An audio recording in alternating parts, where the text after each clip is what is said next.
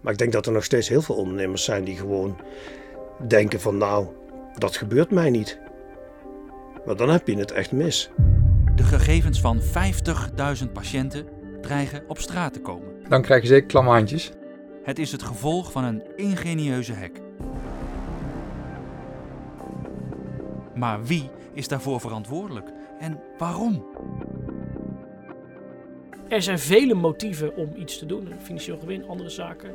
Het probleem alleen bij uh, ja, dit soort dreigingen is natuurlijk dat er vaak een stuk emotie bij zit. Vanaf oktober te beluisteren. Kennis is macht. Een podcast over cybersecurity.